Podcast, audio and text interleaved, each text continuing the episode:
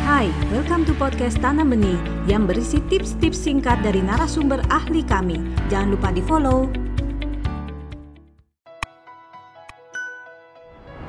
Batasan kapan kita tahu kita memanjakan atau kita mengajarkan anak ya, membantu anak dalam kondisi yang wajar, itu adalah ketika kita tahu apa yang sedang dilakukan oleh anak, apa yang sedang disukai oleh anak itu bukanlah hal yang baru buat si anak. Jadi sebenarnya yang tadi seperti yang saya jelaskan bahwa kan e, manja itu kan sebenarnya dia sudah tahu bagaimana cara melakukannya gitu ya. Dia juga bisa, namun dia maunya dibantu ya, maunya selalu difasilitasi sehingga dia jadi less effort ya, usahanya tidak perlu terlalu keras.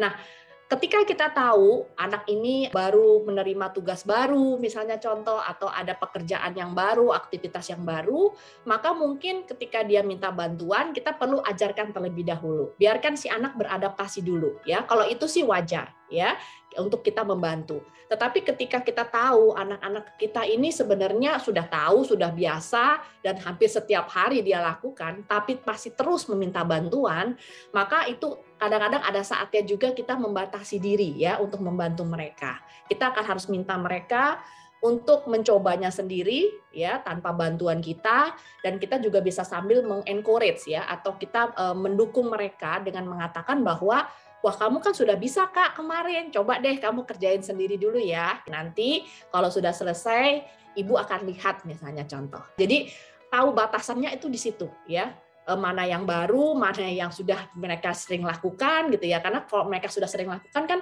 memang harusnya ya kan idealnya itu karena mereka sudah tahu gitu ya bagaimana cara menyelesaikannya. Kira-kira begitu.